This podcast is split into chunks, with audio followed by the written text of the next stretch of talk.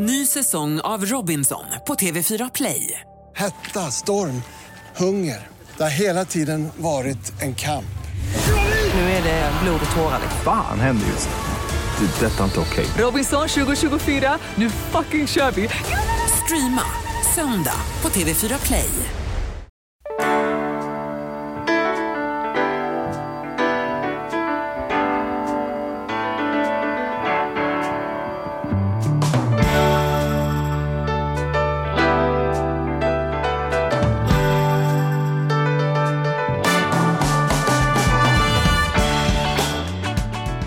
Det är ju dags igen. Ett nytt avsnitt av Ekonomi på riktigt med Charlie och Mattias. Fantastiskt. Vi sitter här, tar en kaffe och är liksom förberedda för att få babbla en stund. Ja, och sen måste vi ju säga tack till vår sponsor, Klarna. Yes, det vill vi verkligen göra. Och där är jag som är lite, inte, det vet ju alla som lyssnar på den här podden, jag är ju inte tekniksnubben nummer ett. Men till och med jag har ju, har ju sen innan vi började samarbeta tankat ner Klarna-appen och det är faktiskt riktigt bra. Om man gör mycket internetköp eller, eller den här typen av grejer så att man snabbt kan se, enkelt kan betala, få grejerna att funka. Det är, det är jädra smidigt och det vet jag att jag får betalt för att säga men jag tycker på riktigt att det är smidigt och smart också. Man behöver verkligen inte hamna med några förseningsavgifter eller konstigheter om man bara har appen på plats så får man ju alla påminnelser Nej, direkt, och du liksom. vet ju också att jag är ju däremot ingen teknik. eh, Jag tycker det är ganska kul med teknik, men däremot är jag ju skeptisk Mm. till när, när vissa sådana här lösningar känns lite för bra för att vara sanna så är de ju ofta där, upplever jag. Det finns ju så jädra mycket ekonomiappar och, och betalningsmöjligheter och, och för att företagen ska tjäna pengar. Men sen när min fru började tjata på mig att jag skulle ta hem Klarna-appen, då tänkte jag men det här, det här måste jag undersöka. Och så var, det ju, så var det ju verkligen så enkelt och smidigt som det är. Och just nu eftersom det är väldigt många betalningar, alltså man köper ju mer på nätet, inte minst på grund av coronatiderna. Men, men det har ju gått över, jag handlar ju ändå mer och mer på nätet. Och då är det ju fantastiskt tycker jag att med den här liksom 14-dagarsfakturan, att man, man köper grejerna, de hinner komma hem, man hinner klämma och känna och se så att allt är helt och att det stämmer och att eh, byxorna var lagom stora och så vidare innan man behöver betala. Eh, så att, ja men det är ju verkligen fiffigt. Sen gäller det, som vi alltid säger, att sen ska man vara medveten om att vill man ha en längre tid och på sig att betala så kostar det ränta och det måste man vara medveten om. Så att, eh, men som jag använder det så, ja, jag tycker det är fantastiskt. Skitbra. Och nu finns ju dessutom vi i eh, appen. Man, vi gör ju med jämna mellanrum frågeprogram och vi kommer göra ett frågor och svarprogram med tema relationer tillsammans med Klarna.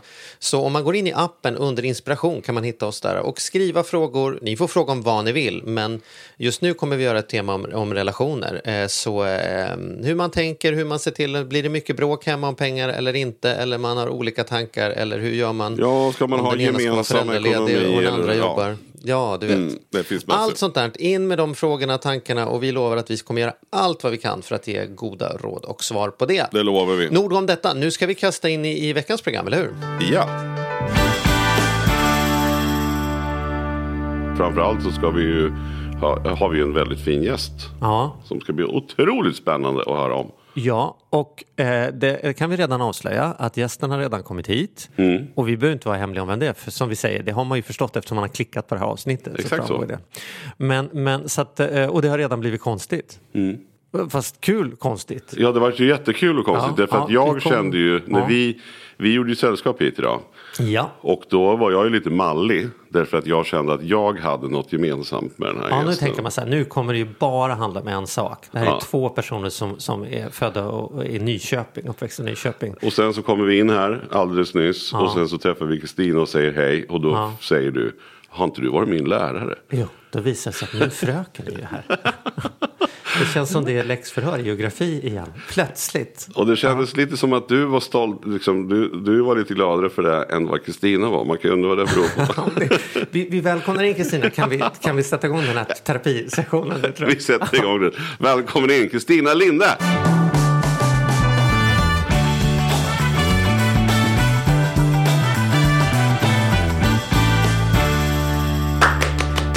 Jättekul att få vara här och vilken start. Jag är helt förvirrad måste jag säga. Ja men det är ju så att du är ju från Nyköping från Ja, början. det är klart jag är. Ja, Och det visar sig också att du har varit Charlies fröken. ja och det, var, det, jag, det måste jag säga att jag var tvungen att tänka och fattar liksom ingenting. Det här är så, det är så, så konstigt faktiskt. Men det verkar ju stämma. Men, men alltså, så konstigt kan det inte vara för att om man har varit fröken måste du springa på elever jag kan säga inte titt som tätt, men, men händer det inte att det är som så här? Nej, men, Ja, men jag var ju det så väldigt kort tid. Det var, var ju egentligen bara ett och ett halvt år. Jag tog knäcken på dig direkt. Nej, så var det faktiskt inte. Men, men det var ändå väldigt kort tid. Så det händer inte så ofta att jag träffar på. Det händer någon gång, men det händer inte så oftast. Men jag får ju liksom tänka tillbaks och försöka se dig framför mig som 14 då. Ja, jag får skicka en bild. eh, Ja, det får du faktiskt göra.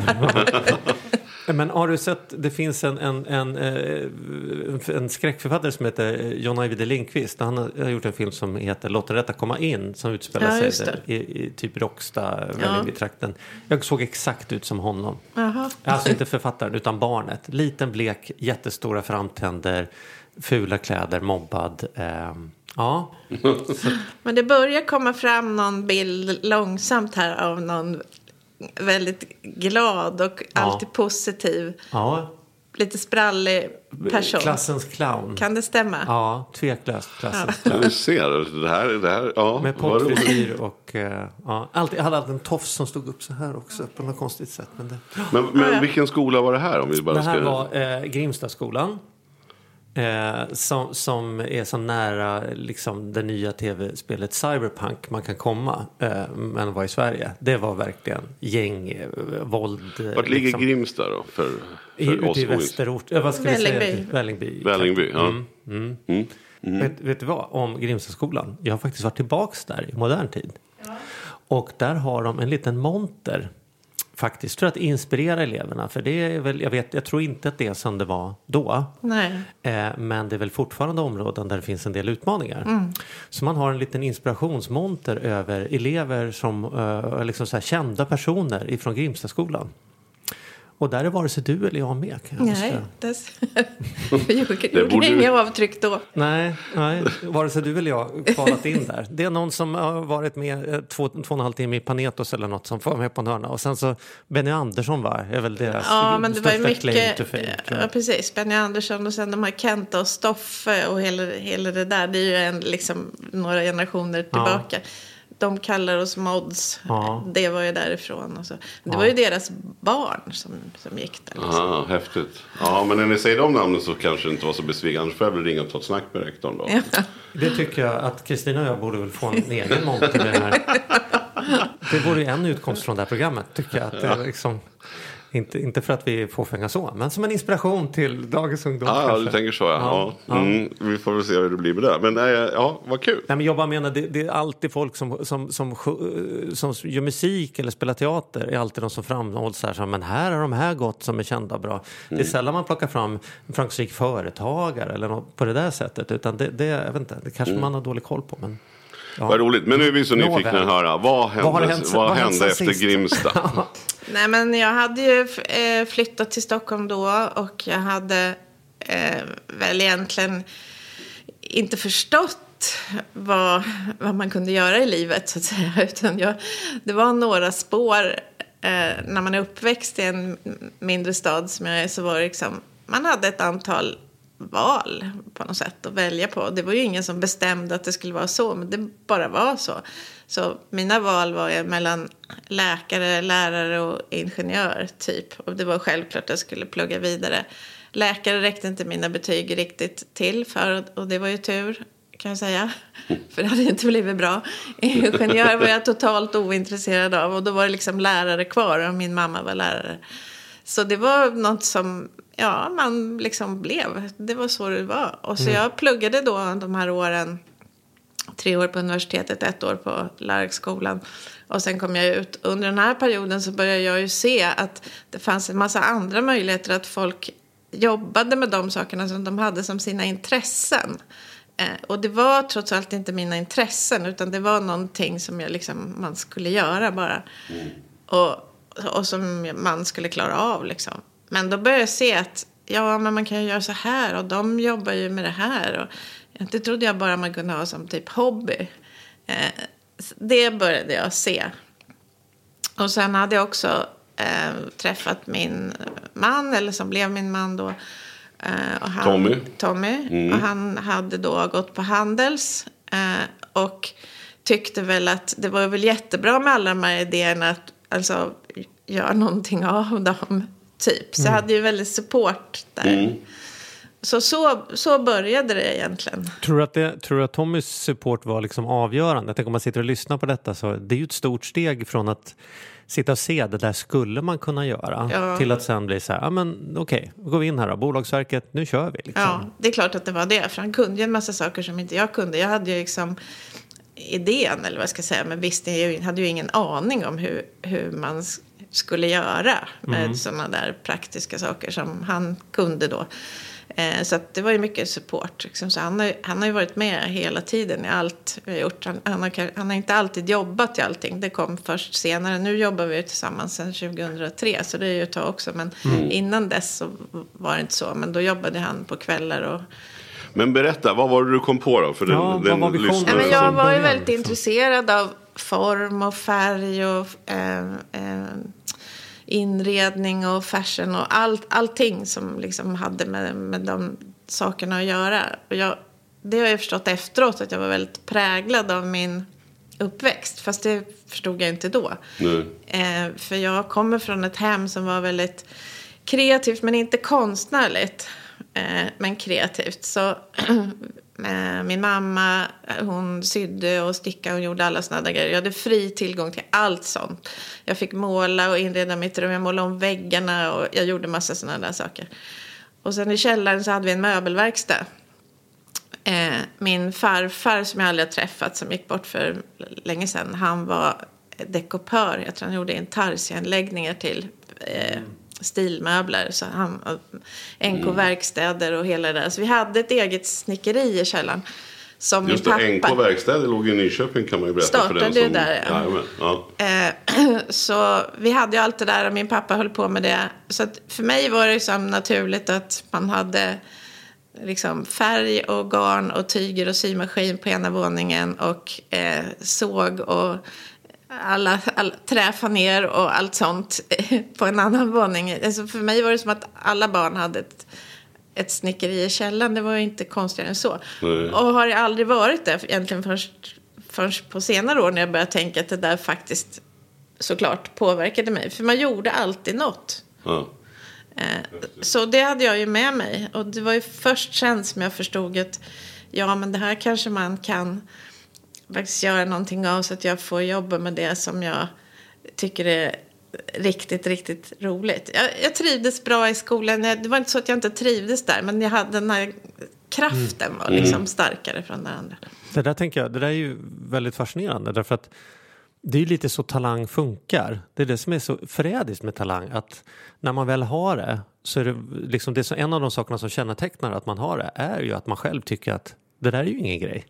Det där kan väl vem som helst göra. Liksom. Man tänker, det kommer lätt, det blir oftast bra och så säger man så här, fan vad du är duktig Mattias på att liksom bara kunna organisera upp allt på en kvart. Äh, det är ju bara, du vet så här, eller någon mormor där, så här, fantastisk på att göra sås. Nej, jag gör ingenting, jag bara gör så här, så här. Alltså, man har eh, liksom inbyggt en nedvärdering av sin egen Eftersom det kommer naturligt för mig så kan man inte ens tänka sig att det inte kommer naturligt för andra. Så det är inte så lätt att få syn på det du har fått syn på. Jag är nog mer kreativ än de flesta. Det är, liksom, det är ett uppvaknande att ens fatta det. Liksom. Nej, men jag håller faktiskt med där. För att det är ju inte så att man bedömer sig inte själv. Aldrig någonsin sätter man ju sig ner och säger och vad, jag är, och vad jag är duktig och vad jag är bra. Det tror jag aldrig har hänt. Utan det är ju mer att man tänker att jaha, okej, ja det här var ju det var ju bra, men vad, är det som, vad ska vi göra nu? Vad gäller nu? Liksom? Man är på nästa hela tiden. Och tänker, ja, det här kunde jag ju liksom inte gjort bättre, för jag gillar inte att göra saker. Alltså, tyvärr är jag lite så att, eh, att om det är 95 procent bra så har jag en tendens att titta på de 5 procenten som inte blev bra. För då vill du göra, då vill du göra bra nästa gång. Liksom. Så det blir någon slags driv i det. Men det är ju inte att man klappar sig själv på axeln och säger att jag är duktig. Det, det funkar inte så. Jag håller helt med dig. Men, men var kom du på det? För, för märket vi pratar om som du har tagit fram är ju Lexington. Var det Lexington från början? Var det... Nej, först hade jag butiker. Först hade vi butiker. Sommarbutiker. Eh, och det var tanken då att bygga ett sommarbutiksimperium på ostkusten. Så jag kom till två, Nyköping och Trosa. Sen var och tittade på lokaler, eller ni vet Västervik och eh, Borgholm och Visby och sådär. För det fanns ju på västkusten. Och så, som uppväxt i Nyköping så jag har seglat väldigt mycket. Varit, så det var ju liksom en naturlig del också. Något som man aldrig ens funderade på. Utan det var ju något som man bara gjorde. Eh, Men då tänkte jag att då skulle man kunna använda sig av det där som jag visste fanns i Smögen, Lysekil och hela vägen. Men på ostkusten. Ostkusten. För alla seglar ju samma väg. Söderut och sen norrut. Just det. Typ. Och då kom vi till två butiker. Men sen blev det, under den här perioden så fick jag också barn. Och det var rätt komplicerat att tänka att du på sju veckor ska också få liksom, Ja.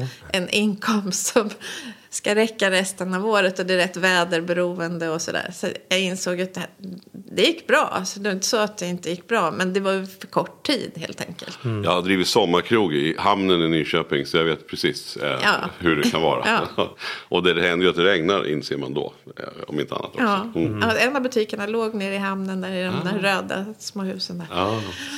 Eh, ja, så då kom nästa och då blev det ett varumärke som heter Arctic Wall Design som var ullfiltar. Och, och igen egentligen samma sak, det var bara en annan säsong. Nu är det plötsligt vinter. Eh, men vi tillverkar de här filtarna i Sverige. Eh, och det är i sig en, en historia om hur det, hur det blev så. Men i alla fall så var det ett varumärke. som sålde väldigt mycket faktiskt på export. Jag har gjort många mässor i Tyskland med dem och sådär. Sålde över egentligen hela världen. Men det var ju också en väldigt begränsad tid på året. För de var tjocka och varma och sådär.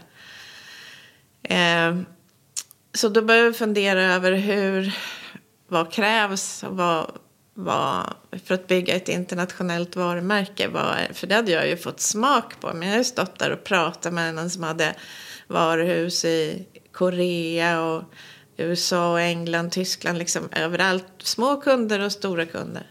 Vad krävs för att bygga någonting som kan bli stort? Och då eh, i den, i den vevan så att säga så var vi, träffades vi genom olika kontakter. Eh, ett par olika personer som alla kände någon i den här gruppen. Vi var fem stycken. Eh, men ingen kände alla. Men vi hade liksom connections emellan oss. Så det var jag och så var det min man Tommy. Så var det en fotograf som heter Carl-Johan Rönn. En art director som heter Christer Appelfelt. Och en, en kille som har butiker, inredningsbutiker som heter Lars Walles. Och vi, han hade då textilavdelningen på Room som var stort då på Alströmergatan. Ja, på Aströmergatan. Mm. Det var en av mina favoritaffärer. Eh, och då började vi prata om att vi skulle göra någonting tillsammans och såg då att det fanns ett, ett tomrum på marknaden i det som man kan kalla New England-stil. Det fanns egentligen inte någon som hade tagit det när det gällde inredning. Det fanns ju kläder, Ralph Lauren förstås, Gant till exempel. Eh, Ralph Lauren hade lite inredning men inte speciellt mycket i, i Europa utan de var ju väldigt fokuserade på sin hemmamarknad. Och det var egentligen inte som man kan tro heller. Utan det som vi såg det var att vi skulle kunna göra det här på det sättet som var liksom genuint och härligt. Eh, och då, eh, och jag hade var, vi hade varit i USA. Tommy jobbade på ett amerikanskt ett bolag så han åkte ganska mycket fram och tillbaka. Och så.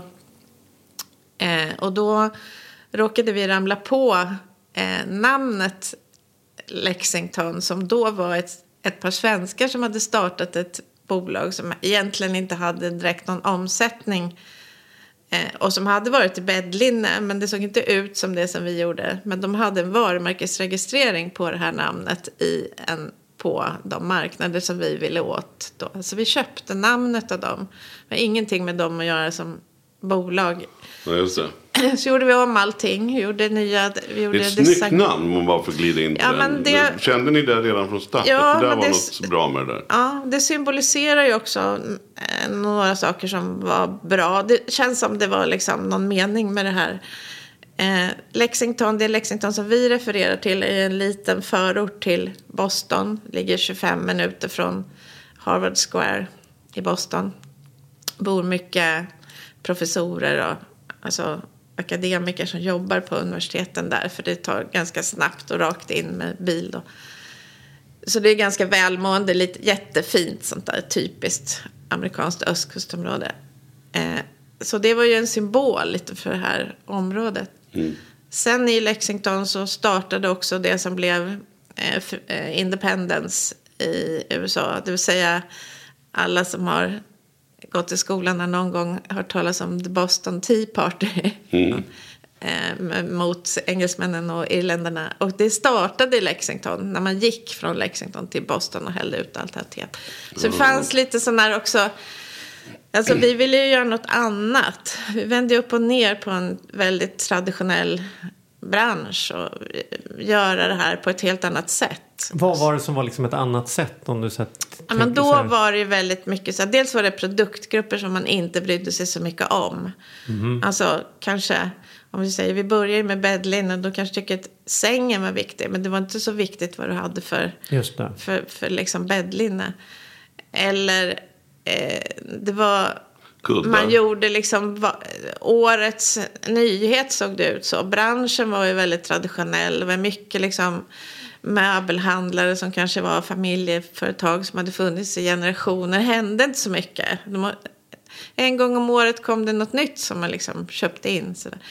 Och då var vi väldigt inspirerade av mode och vad som hände där med liksom trender och så. Så att man kunde liksom få in det. Så vi började göra säsonger i den här kollektionen. Då. Vilket inte någon hade gjort. Och det var ju att vända upp och ner på någonting som... Det är ju ett ganska bra koncept om man tänker att vända upp och ner på något som redan finns och göra det på ett, på ett nytt sätt. Liksom. Du behöver ju inte alltid uppfinna allting från början. Liksom.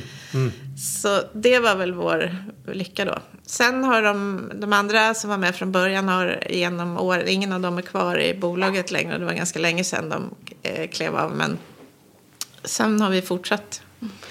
Så det, så det är du och Tommy som, som är ägare av... Ja, idag är vi noterade så det kan jag ju inte säga. Utan det finns Nej. ju en massa andra Ja, ägare också. Men, Men ni är huvudägare. Men vi har ju, jag och vi har ju jobb, varit med liksom hela Ja. tiden. Men, men hur, och- och hur, hur mycket omsätter ni? Det är ju jättespännande. Alltså hur, ni är ju Eh. superstora nu. Nej, jag tror att vårt varumärke är större än vad vi är omsättningsmässigt. Vi ligger väl eh, runt 270 miljoner ungefär. Det är ju mer än vad du tjänar i månaden Mattias. Ja, ja faktiskt. Eh, så att varumärket är nog större än vad, än vad bolaget är. Eh, Det skulle jag säga. Eh, men eh, det är ändå bra.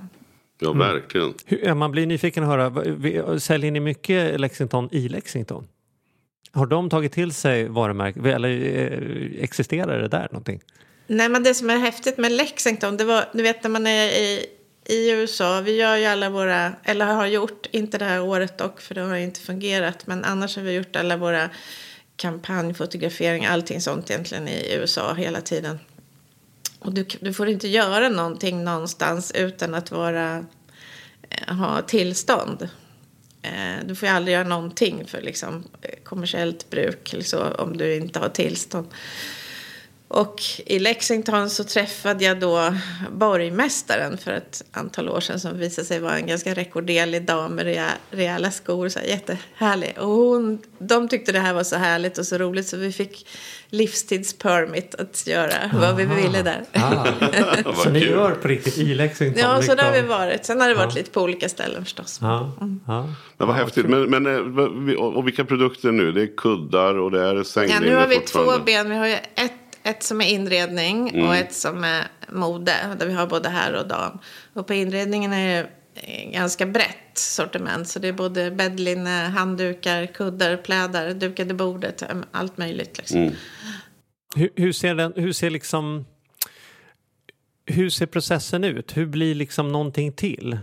Är det, är det som att ni åker runt på mässor och liksom tar bilder på det där kan vi stjäla eller köpa in eller är det som att man börjar designa tre år innan? Alltså det är för en sån som mig, jag har ju ingen, jag kan inte ens förstå hur en, en kudde liksom blir en Lexington-kudde. Nej, liksom. men vi har... eh, Vi gör alla produkter från grunden i vår, i vår studio. Ja. Eh, vi har, Som är här i, i som är i Stockholm. Ja. Jag jobbar med två team. Eller de, jag är också kreativ chef så att jag jobbar med två team.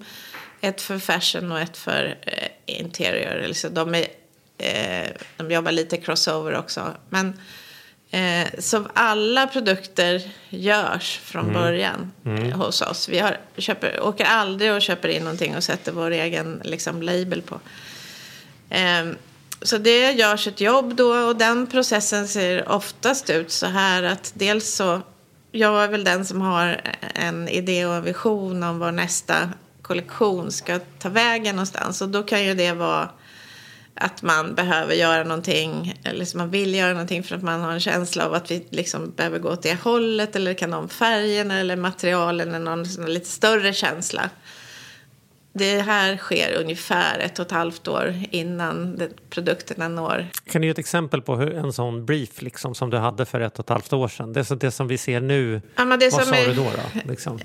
Och det som vi, som vi ser nu för våren, där har jag känt väl, väldigt mycket att det kommer, dels är det ganska lugn färgskala, men det kommer också det här liksom är lite, börjar bli lite inslag av det som är lite piggare.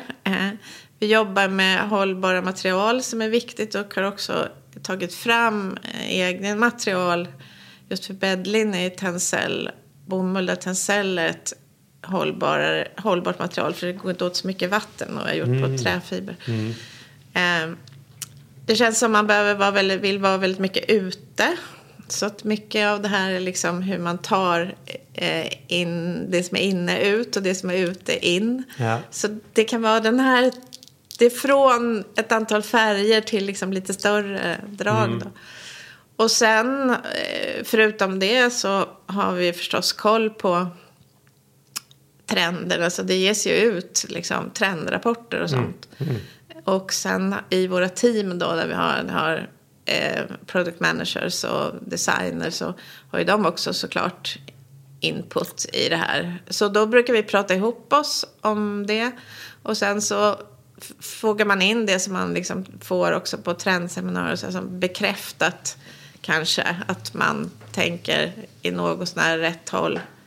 Men vi måste ju göra det till vårt. Inte att göra något som man bara vet ligger i tiden. För det funkar inte. Och sen bryts det ner till en väldigt detaljerad kollektionsplan som också är en analys på, på försäljningssiffror och omsättningshastigheter och, och sådana där saker. Och det är man jätte... produkt, tänker man produkter så då, som att vi behöver fyra eh, Ja. nya örngott, vi behöver två herrtröjor, Ja. vi behöver tre Mm, tofflor. och prisnivåer och sådana saker. Det, Och, sen- och sen tillverkas det här runt om i världen. Också. Ja, vi har en väldigt stor del av vår produktion i Portugal, Mm. i, i Europa. Men vi gör på andra ställen också. Det kan vara Italien, Turkiet, Indien. Eh, en del Kina. Det beror på lite på vad det är. Men jag skulle säga majoriteten är faktiskt i Europa. Är det medvetet för att det är, känns mer rättvist? Eller är det för att det är bättre produkter? Eller tänker man att de där kineserna håller på att ta över världen så de begynner vi inte mer än vad Så vi kan måste? hon ju inte svara på hon sitter ju här och köper Nej, upp saker i nej, Kina. men vi- och sitter vi- och lyssnar på vår podd. Ja just det, de sitter och lyssnar på dem. Nej, men vi Nej, men du, förstår vad jag Kina. menar. Ja, Alltså, Nej, men det, det finns två svar på den frågan. Den ena, ena svaret då är ur ett liksom hållbarhetsperspektiv. Så tillverkar inte vi i länder där det är en risk för att det inte ska vara bra arbetsförhållanden. Och det är också inte bara, det är ju såklart ett etiskt ställningstagande, men det är också ett rent affärsmässigt ställningstagande. För att vi jobbar med kvalitet, vi jobbar med produkter som ska vara länge. Ska du tillverka produkter som har kvalitet och vara länge så måste du ha en kunskap. Och för att ha en kunskap behöver du ha en utbildning eller en erfarenhet. Och då måste du jobba med den typen av leverantörer som kan göra det. Och då kan du inte vara i det här mest prisutsatta. Eh, för det är inte det de kan. nej, det blir inte lika Det bra blir helt inte så. Nej. Så det är en del. Så, eh, och den andra delen är ju förstås liksom ställningstagen. Men det, jag ska inte säga att de saker som man gör i Kina, de behöver inte, behöver inte alls vara dåligt. Nej, Alltså, nej, det beror ju på vilken är. Och i Indien där vi gör, där skulle jag säga att den fabriken vi, vi jobbar mycket med i Indien, är nog en av de mest eh, hållbara eh, tillverkare som jag har träffat på. De har eh, får- massa priser hela tiden för sina system och hur de jobbar. Så, så det, det handlar ju om människorna, egentligen inte bara vad det är. Hur, hur hittar man de här? Jag tänker det är inte så massa, så här, nu drar vi igång ett märke och sen har vi Mm. schysst design och allting, det ser fint och bra ut. butik i. Nyköping kan man ju förstå. Men hur man gick därifrån till en ullpläd och försöka liksom eh, Mm. blanda in fabriker och grejer. Och nu är det ju massor med sånt. Det Nej, men när det gäller Lexington så började det faktiskt med att eh, jag visste ju då att man eh, kunde tillverka i Portugal. Att det fanns väverier och, och, och sömnad och sånt. Så jag åkte dit. Eh, eh, och jag och vi var, vi var två som åkte ner. Och så åkte jag runt till olika, liksom försökte boka in möte med dem första. Och sen så det ena gav lite det andra för någon tyckte att man skulle åka dit. Och sen hade jag ju ingenting att visa mer än egentligen någon slags idé som jag berättade om. Och allt är också lite fråga om timing. I den här tiden, det här var 97, så var det, hade de ganska bra täckning i sina fa- fabriker. Men de hade också eh, gott ekonomiskt. Alltså, några var ju kanske inte, för det var mycket sådana statsbidrag och så i, i Portugal. Men vissa, de här lite mellanstora företagen, de var ganska välmående under den här perioden. Det går ju upp och ner med konjunkturcyklar och sådär. Och då hade de råd att göra lite för någon som de tyckte var en... Ja, det där var ju en liksom kul tjej med många idéer och det här kan ju bli något av mig. Så att jag fick ju med mig några då. De hakar på tåget kan man De säga. hakar på tåget. Ja, och roligt. Två av dem skulle jag säga eh, jobbar vi faktiskt fortfarande med. Och det har varit en, en, en resa för dem. För det är klart att det har varit en bra resa för dem. De har ju helt enkelt tjänat en massa pengar på oss under den här tiden. Men det har också varit väldigt bra för oss. För att i och med de här nära relationerna så har vi också kunnat utveckla eh, produkter. Alltså utveckla kvaliteter på ett sätt som jag faktiskt tror är unikt. Att vi har, att vi har kunnat göra det tillsammans. Och det är ju väldigt häftigt att kunna få vara med om den resan. Men ni har ju verkligen hittat, jag är ju ingen, jag är ju verkligen ingen eh, stylist eller så här. Nej, det ska gudarna det ska veta. gudarna veta. Men jag, men jag tycker det är kul med inredning också. Jag tycker verkligen att det är roligt. Och, Eh, tittar. Och det, det jag tycker är så häftigt med Lexington just det är att när man, när man går in på Lexington så är det inte, det, ni har ju verkligen hittat eran stil. Även om det är Eh, nya grejer och så även- förstår även om man ju. jag- Man behöver inte läsa lappen, man kan tro. Så här, det Nej men sen, jag kan se en kudde på någon möbel, vad som helst. Och då tror jag att det är en Lexington. Fast den är inte det. För att det känns som att ni har satt liksom stämpeln på. Jag ser ju ett sånt här beach house framför mig. Mm. Den här marina feelingen och morgonrocken och lite det här Amerika- Amerika-inspirerade. Det är ro- men liksom tydligt på något sätt. Det är roligt att säga marina för vi har faktiskt aldrig varit speciellt nautiska någon gång. Men, har, men, men, Men, den håller du med? bilden är så tydlig för väldigt många. Att det är så. Och det, det är just en väldigt styrka eh, för oss såklart. Eh, sen, så, sen så gör ju vi saker. Vi gör- gör ju inte bara sådana saker. Vi har ju massor med annat som, som vi liksom lägger in i det här konceptet. För att vi ska känna sig i tiden och rätt och sådär. Det är väl därför jag tror kanske varumärket ändå lever. För att vi har, det har vi faktiskt lyckats med att göra saker. Jag tänkte vi skulle prata lite om hållbarhetsperspektivet. Mm. Det, det är ju verkligen så att det står i centrum idag för konsumenter. Alltså, och, och, och media är, är duktiga på att granska detta, det pågår hela tiden. Hur gör ni för att från utsidan så ser det ut så här för mig som företagare, som på gränsen till omöjligt. Hur ska du kunna ha koll på om en leverantör hade en annan leverantör som de tog in just nu vid sidan av och de står och dumpar vatten. Alltså så här, kraven på hur insatt du ska vara, vad som sker på en bakgård i Indien är ju enorma och det kan bli ju katastrofala följder, inte bara för miljön men faktiskt konkret i din plånbok imorgon om det här sjabblar upp. Liksom, hur, hur, hur mycket stress är det liksom i ditt liv att försöka hålla koll på en rad olika saker som pågår långt ute i periferin men du ändå behöver stå ansvarig för? Liksom? Nej, men vi ser den som en process. Jag tror att man måste se det som en process. Det här är någonting som inte blir klart och det är någonting som man håller på med hela tiden. Och idag är det väl också, skulle jag säga, en hygienfaktor för konsumenten. Jag tror inte ens att det är liksom ett, ett marknadsargument längre. Eh, det har gått ganska fort.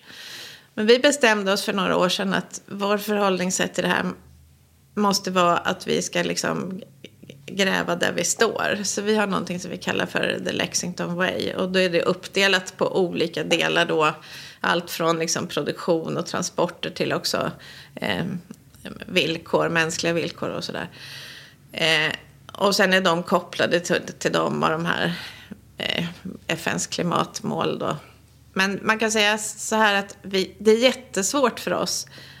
Vi är för små för att kunna ha koll på precis det här som du säger. Det kan hända något någonstans. Men det viktiga för oss är att hela tiden ha den här diskussionen med våra leverantörer och liksom ställa de här kraven och göra så långt vi kan hela tiden. Och det handlar både om processer och arbetsförhållanden men också om de materialvalen vi gör och så.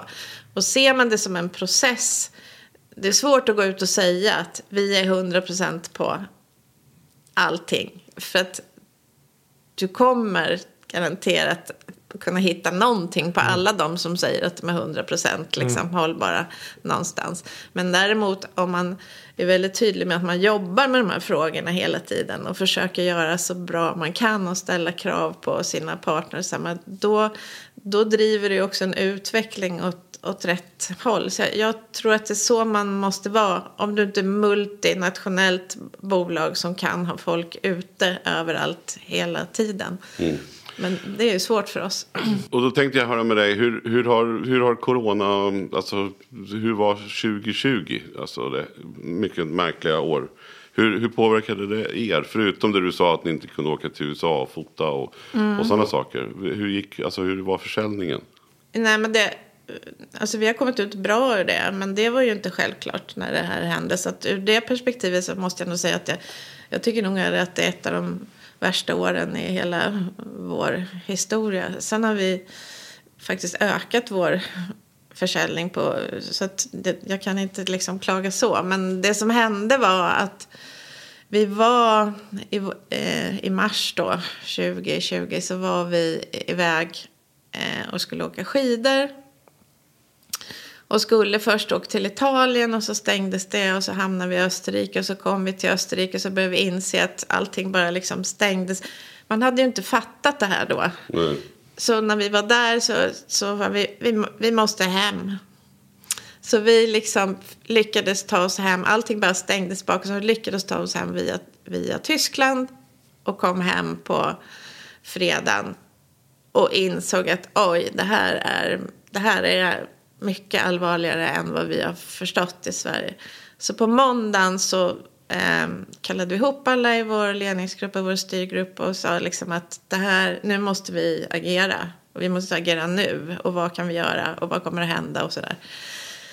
Sen hade man ju ingen aning om vad som skulle hända om två veckor eller ens om en vecka. Så det var ju väldigt oroligt då. Men det första beslutet var då att allokera all vår energi och kraft och så till onlineförsäljning. Och vi har ju ett antal butiker så vi förstod ju att det skulle bli tufft där också då. Och sen eh, och sökte vi de stödåtgärder som fanns. Vi gjorde korttidspermitteringar och vi gjorde allting vi kunde göra för att då. Men det var ändå fruktansvärt osäkert att veta. Mm. Skulle allting stängas ner nästa vecka eller vad skulle hända? Eh, men det var ändå skönt liksom att agera. Vi tappade ju försäljningen i, i våra egna butiker, fysiska butiker såklart. Norska butikerna stängdes ju helt. Mm. Eh, men samtidigt så lyckades vi faktiskt och såg vi att allt vi gjorde digitalt genererade någonting online då. Så då var vi ändå något sån här liksom kändes lite bättre då. Då blev Eh, Eh, min man sjuk, han fick covid-19. Han blev inte jättedålig, så han var inte på sjukhus eller någonting sånt. Så han jobbade, han liksom släpade sig upp och satt ett tag och sen gick och la sig och så där höll det på. Men jag blev ju då under den perioden otroligt orolig. Dels först för honom förstås, för man visste ju inte vad som skulle hända när folk var sjuka. Skulle de... Alltså, det var ju lite så här att efter några timmar så måste man ringa ambulansen. Och mm. kändes den här perioden. Det var den största oron. Den andra oron, vad kommer att hända med bolaget? Kommer vi att klara det här överhuvudtaget? Eh, det visade sig att han blev frisk eh, relativt snabbt i alla fall, tog ett par veckor. Och vi klarade det. Vi såg att det, allt som vi gjorde gav resultat. Så vi ökade vår, har ökat vår försäljning under den här perioden. Då. Och vad kan det bero på? Är det att man, många är hemma, man, man så liksom jag gjorde, byggde ett attefallshus, man är på landet, man renoverar, man fixar eh, på något sätt. För jag, tänker att den, jag kan också tänka mig att sådana här riktiga lyxmärken, om vi tittar, tänker på väskor, klockor och sådana här saker, borde ju ha det tuffare. Eh, har jag, kan det vara så? Nej, men jag tror att det, var, det är fler saker. Dels är det det som du säger att det blev liksom en sån allmän trend om man var hemma och ville göra saker. Det är ju konstaterat att det var så. Så det är ju en del.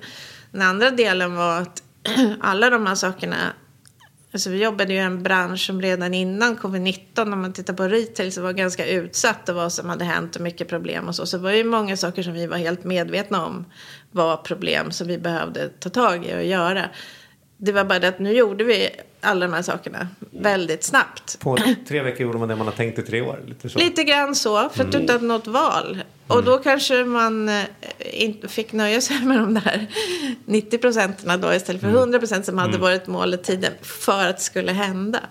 Och det genererade ju såklart att vi blev mycket duktigare på en massa olika saker. Så det bidrog ju också. Så det var bägge de delarna skulle jag säga. Hur stor del, procentandel ungefär var online kontra butik innan och hur stor procent är det idag? Ja, det är ju sådana siffror som jag då inte kan Ja, just det, det kan du inte säga tyvärr. Men, men det är en stor Men det var förändring. en stor- det, har- det har, stor det har skett förändring. en stor förändring om vi säger så. Det har skett en stor förändring. Ja. Eh, och jag tror att det kommer att fortsätta. Fast jag tror att fy, de fysiska butikernas betydelse kommer tillbaka. För många vill handla i butik. Den här kombinationen, det gäller att hitta det. Som, är liksom, som, som kunden vill då.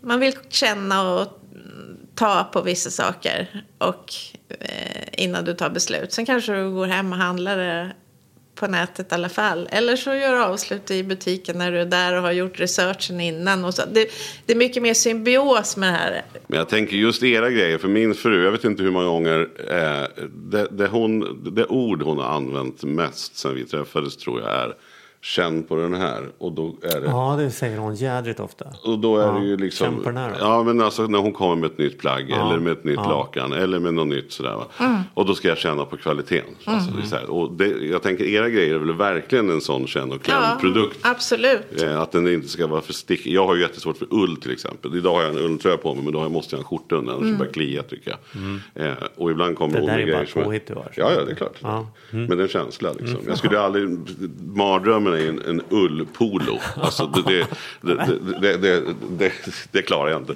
Nej men, men visst är det väl ändå så att just era produkter är väl också mycket så med tanke på att det är sängkläder man ändå ska sova Ja, men det är ju superviktigt. Det är superviktigt i alla våra produkter, även, även liksom mode. Eller, man ska, helst vill jag ju att man ska kunna göra ett blindtest och sen med handen känna att det är läxan. Nu, nu kan inte alla det.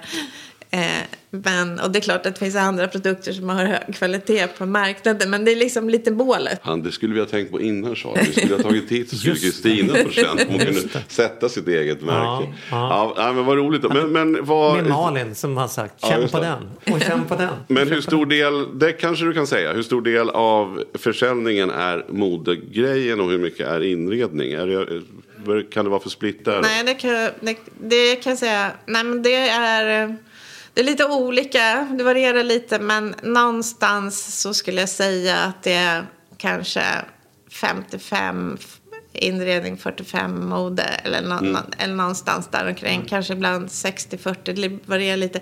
Vi är faktiskt större på fashion än vad jag tror att många tror. Tror. Mm. Jag hade gissat att det var mer på inredning. Ja, det hade jag också Men det är kanske för att jag är mer en inredningsperson. Vi har ju faktiskt ett problem hemma just med eh, sängkläder. Och det är ju att jag, jag skulle helst vilja ha liksom hel linne som liksom river. Och Andreas skulle helst vilja ha såna frottélakan som jag tycker är direkt äckligt. Liksom glida runt i någonting som känns som hela... Det är verkligen en fråga om, om, om personlig liksom, Ja. kä- känsla det där. Liksom, ska du ha, ska du, fryser du och tycker att du vill ha något varmt så ska du ha flanell. Vill du ha något som är lite tyngre på det då tycker jag du ska ha en Oxford. Vill du ha något som är lätt och liksom lite glidit iväg sådär. Då ska du ha poplin. Alltså det, det finns olika kvaliteter som har olika egenskaper. Eh, och då det är ju klart en fördel om man gillar samma. Och ur ett, ur ett, ur ett visuellt perspektiv i alla fall. Ja, men det kanske vore en ny, det kan vi tipsa om kollektion 2023. Ja. Att man har samma mönster men, Men olika, olika kvaliteter. kvaliteter. En his and hers. Liksom. Ja, precis. Ja. Men hur känns det då från att ha ja, men startat någon liten butik där till att nu, för jag antar att du, ni är rika nu du och Tommy. Nej, skulle inte säga att vi är. Vi har Alltid. det bra, men rika tycker jag inte att det är rätt. Det beror, det beror på vad man sätter. Ja, det är klart. Men hade vi frågat skollärarinnan på Grimstaskolan så och hon hade tittat ner i din ekonomi idag, då hade hon ju sagt så här, ja det där, de har ju allt de behöver. Eller? Ja, men jag tror att vi har allt vad vi behöver. Och så, jag har in, pengar har aldrig varit någon drivkraft för mig. Tyvärr kanske man skulle kunna säga. För då hade jag förmodligen haft mer än vad jag har idag. Det har aldrig varit utan det har ju varit att göra saker. Åstadkomma eller nå något mål du satt upp. Eller eh, förverkliga en idé. Så. Det, det är det som har varit målet. Och under den här resan så har jag det som jag känner mig mest rik på det är faktiskt de upplevelser och de saker som jag har fått vara med om. För jag har ju haft förmånen att få träffa fantastiska människor över världen och lärt känna en del människor som man kanske liksom också eh, inte tror att man någonsin ska träffa. Vara Också. med i härliga poddar och träffa gamla elever. Eller hur? Ja. Ja. Det är det bästa. Nej, men det förstår jag verkligen. Men det måste ju också vara en, en otrolig känsla, tänker jag då, när man ser sina egna produkter. Om eh, på stan eller folk kommer i det som du har designat. Jo, det är ju roligt när man, när man, ser, när man ser det, absolut. Eh, jag tycker att, att eh, alltså tillfällen när det är fantastiskt, det är typ när vi gör nu, just nu är det inte så mycket mässor, men det har ju varit mycket mässor i Paris till exempel, en stor inredningsmässa. Och när man står liksom, jag har inte så mycket där att göra längre för att jag, jag säljer inte eller så, utan det är liksom andra som gör. Men att stå utanför och titta in i montern när folk är liksom röda om kinderna, entusiastiska och glada och liksom lyckliga och tycker att det här är härligt och, och de ska ta in det här i sina butiker eller vad det är för något. Det är ju en, det är en häftig känsla. Ja, det det är det faktiskt. Ja, det, men det, det, är inte så ofta som man liksom tillåter sig det där. Kanske inte tillräckligt. Det är den där 90% grejen. Man fokuserar mer på vad är kvar att göra än hur Ja, långt vad ska vi jag göra nu liksom? Vad måste vi göra och, och så? Mm. Men vad, och på tal om det här då, vad, hur ser det ut för, för, för ja, hur ser framtiden ut? Fem, närmsta fem åren? Rullar det på med Lexington? Har du andra idéer liksom? Alltså jag har alltid andra idéer. Sen handlar det om att man måste eh, fokusera också tror jag. Det är svårt att splittra sig för mycket. Men eh, alltså det handlar ju, just nu tror jag vår stora nästa utmaning det blir det som jag redan lite var inne på. Det är, eh, hur kommer det se ut efter covid-19? Om det ens finns något efter covid-19 eller om det blir det nya normala som man pratar om. Och, och sådär. Och eh, jag tror eh, kombinationen butik och online, hur det riktigt ska, ska, ska, ska sitta. Liksom. För, för kunden är en sak, men sen har du ju en affärsmässighet i det också som måste fungera. Så att de bitarna tror jag är det som blir det stora nästa grej att tänka på. Men för mig låter det ju, jag kan förstå många företagare som drar igång eh, egenföretagare. Men för mig att, att få till en hel kollektion med tillverkning i olika länder och allt vad som krävs och sådär. Hur, hur, hur ska man börja? Jag tänker att det finns ju jättemånga duktiga och ambitiösa eh, små Kristinor ute här.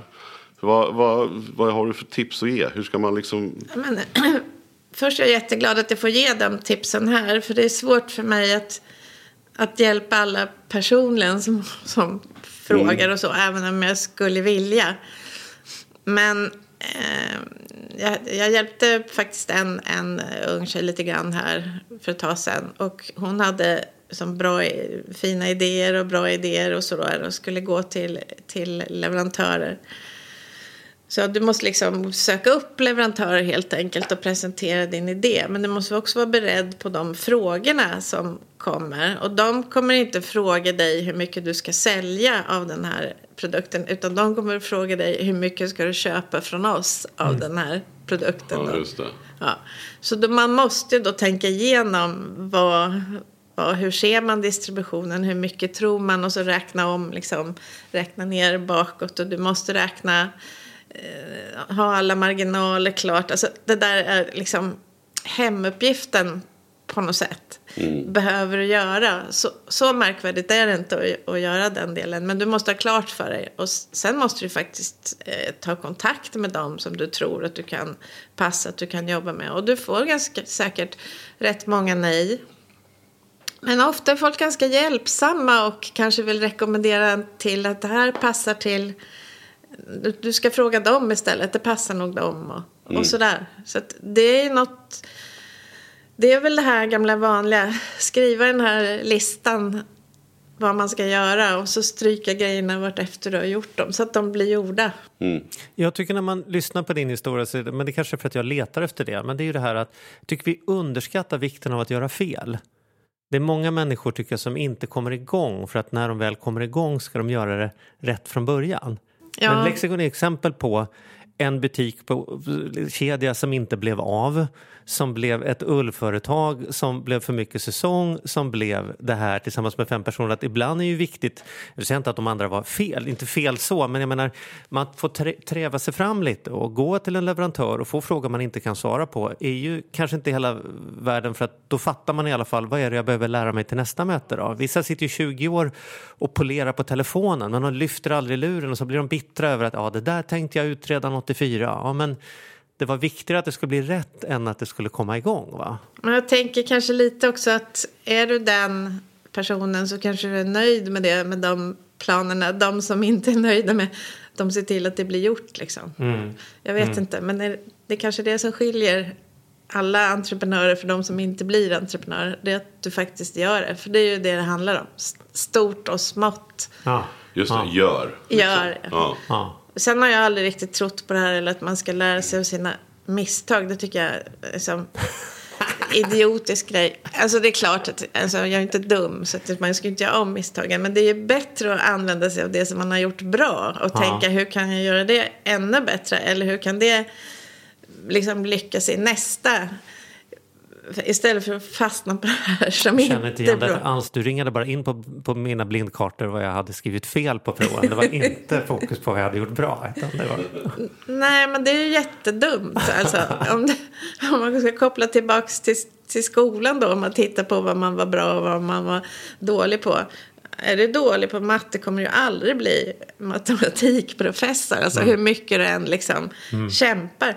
Då menar jag inte att man, det är klart man ska hålla någon slags lägsta nivå för att så man klarar sig bra och sådär. Men det är ju mycket bättre att försöka satsa på någonting som du tycker är kul och, som, och då är du oftast bra på det för annars tycker du inte att det är Ja, det där är väldigt, väldigt intressant måste jag säga. Det där är ju, kan jag ju tycka att skolan ganska ibland för länge håller kvar vid grund, grundämnen som man kanske aldrig kommer ha någon nytta av. Man vill inte och man tycker inte det är kul. Fast jag, jag håller med dig, men det är också svårt att veta när man är 16 vad man kommer att ha för nytta. Det finns mycket jag pluggade som jag tänkte så här, jädrar vad jag kommer att ha nytta av det här. Och som jag tänkte så här, det här kommer jag aldrig ha nytta av. Och sen nu 20 år senare kan det visa sig helt tvärtom. Att det som jag har nytta, helt plötsligt så dyker det upp. Liksom. Ja, det håller jag inte med alls. Nej. För, för, för mig var det det som jag tyckte var trist. Eh, det, har, det har förblitt. Jag bytte ju smyg. Mm. Eh, eh, jag hade ju tyska för att min syrra hade tyska och mina föräldrar tyckte att jag absolut skulle ha tyska i, som tillval. För att hade man det så kom man in på de här lite finare linjerna. Mm. Och jag ville verkligen inte. Jag tänkte jag kommer aldrig ha nytta av den där tyskan. Eh, och då bytte jag till ett tillval som heter kontor och data. Jag förfalskade pappas namnteckning och sen så bytte jag då till ett kontor och data. Och förfalska namnteckningar, det har ju du haft en jättenytta av genom din karriär. Nej, men det som var då att jag ville ju hålla på med kontor och data. Ja, Jag tyckte det var ja. kul med datorer, jag tyckte det var kul med kontor och ekonomi. Eh, men då kom de ju på mig ganska snart nog. Den tyska läraren ringde hem och, och sa att han är inte kvar i klassen. Eh, så då fick jag byta tillbaks. Men jag har ju fortfarande inte pratat ett ord tyska. Nej. Jag har någon sån här hobbytyska jag brukar på skoj prata. Men, Ja. men alltså, jag- till exempel. Ja, jag borde ju bara tyska få är ett bra släppt exempel. det. Jag trodde aldrig jag skulle ha nytta av tyska. Jag var så dålig på tyska i skolan. Men nu är det enda språket jag och Andrea kan prata hemma som Primus inte förstår. Det är perfekt. Det är liksom jag använder min tyska dagligen för, för att kommunicera med Ja, min men fru det hade nog gått på något annat sätt. Ni kunde ju prata, ni kunde prata någon sån här, vad heter det, det där, nollknolligtalsspråket. Nej, rövarspråket kan Primus redan. Däremot ibland när vi ska prata om koder så använder vi eh, Sagan om ringen-termer. Det börjar med antalet blåa trollkarlar och sen är det ja, antalet dvärgringar. Ja, ja, ja men Therese, jag håller med dig verkligen Ja, okej. om den grejen. Det är intressant hur du säger att varför man, istället man behöver inte lära sig av misstagen. Fokusera på det du är bra på eller så. Ja, jag tror det är viktigt som entreprenör. Liksom, för det är Mm. det som kommer att lyfta ditt bolag. Liksom, att du fokuserar på det som du gör bra. Och försöker göra en, en gång till eller ännu bättre. Men nu hade ju du feelingen att träffa Tommy som hade gått på Handels och hade koll på, på den eko, ekonomibiten då. Om man inte har en Tommy då? Nej, men jag tror att i början så är det ju, i början är det ju ganska ändå basic så att säga. Det handlar egentligen om intäkter och utgifter och hur, hur lång, hur lång liksom, eh, uthållighet du har där då. Och det är ju inte så avancerat. Det är ju inte värre än din privatekonomi egentligen skulle jag säga. Eh, sunt förnuft i början. Det är ju sen när det kommer in som det blir lite krångligare och lite svårare liksom om du inte kan eh, alla, alla saker. Då, har du måste du ju eh, då då har måste du ta hjälp. råd att ta hjälp också. För Ja. att du har, kommit, du har kommit så långt på vägen så att det är värt det. Eller man har råd att ta Ja, och det väl, gäller väl inte bara ekonomin utan det gäller väl allting. Det gäller väl att ta in eh, folk på de sakerna som man inte är bra på. För det är ju igen då, ska man liksom lägga tiden på det som man inte är bra på. Det är bättre att du lägger det på det du är bra på så att du får växa än att, och sen ta hjälp med, med det andra.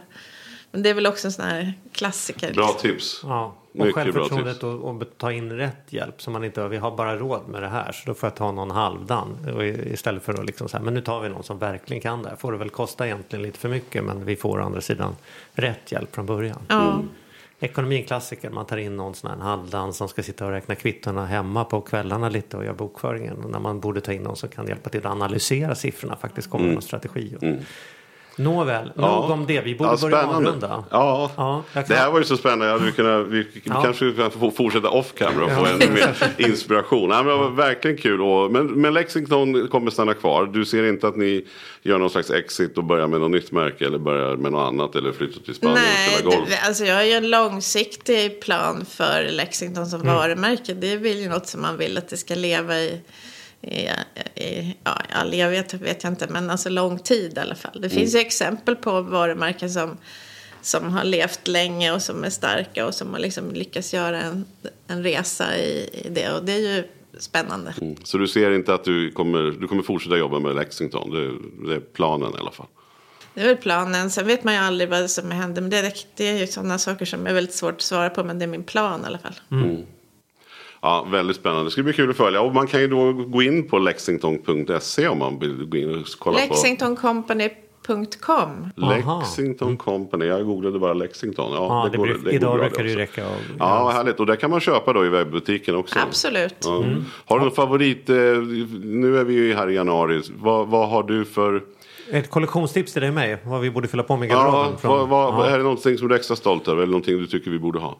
Äh, Men det som jag är extra stolt över att så väldigt många tycker om så skulle jag säga att det är våra handdukar. För det är någonting som jag tror vi är väldigt välkända för. Vårt, vårt bäddlinde förstås, men jag skulle säga att våra handdukar är, en, är är väldigt, väldigt bra och eh, väldigt många som River de lite härligt när man går i duschen? Eller är de som att de är lite... Om vi pratar om, om Charlies Ja, tes min tidigare. fru vill ju ha är så jävla mjukt så att det är som att torka sig på en... Alltså nu ställde du en fråga som är väldigt komplicerad att svara på kan jag säga. Om jag ska försöka svara kort så är det så här att vill du ha en mjuk handduk så ska du använda sköljmedel och torktumlaren.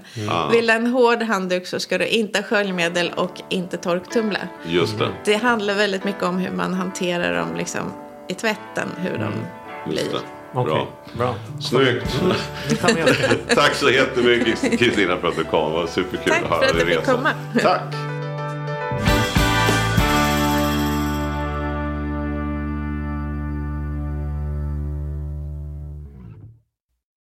Ny säsong av Robinson på TV4 Play. Hetta, storm, hunger. Det har hela tiden varit en kamp.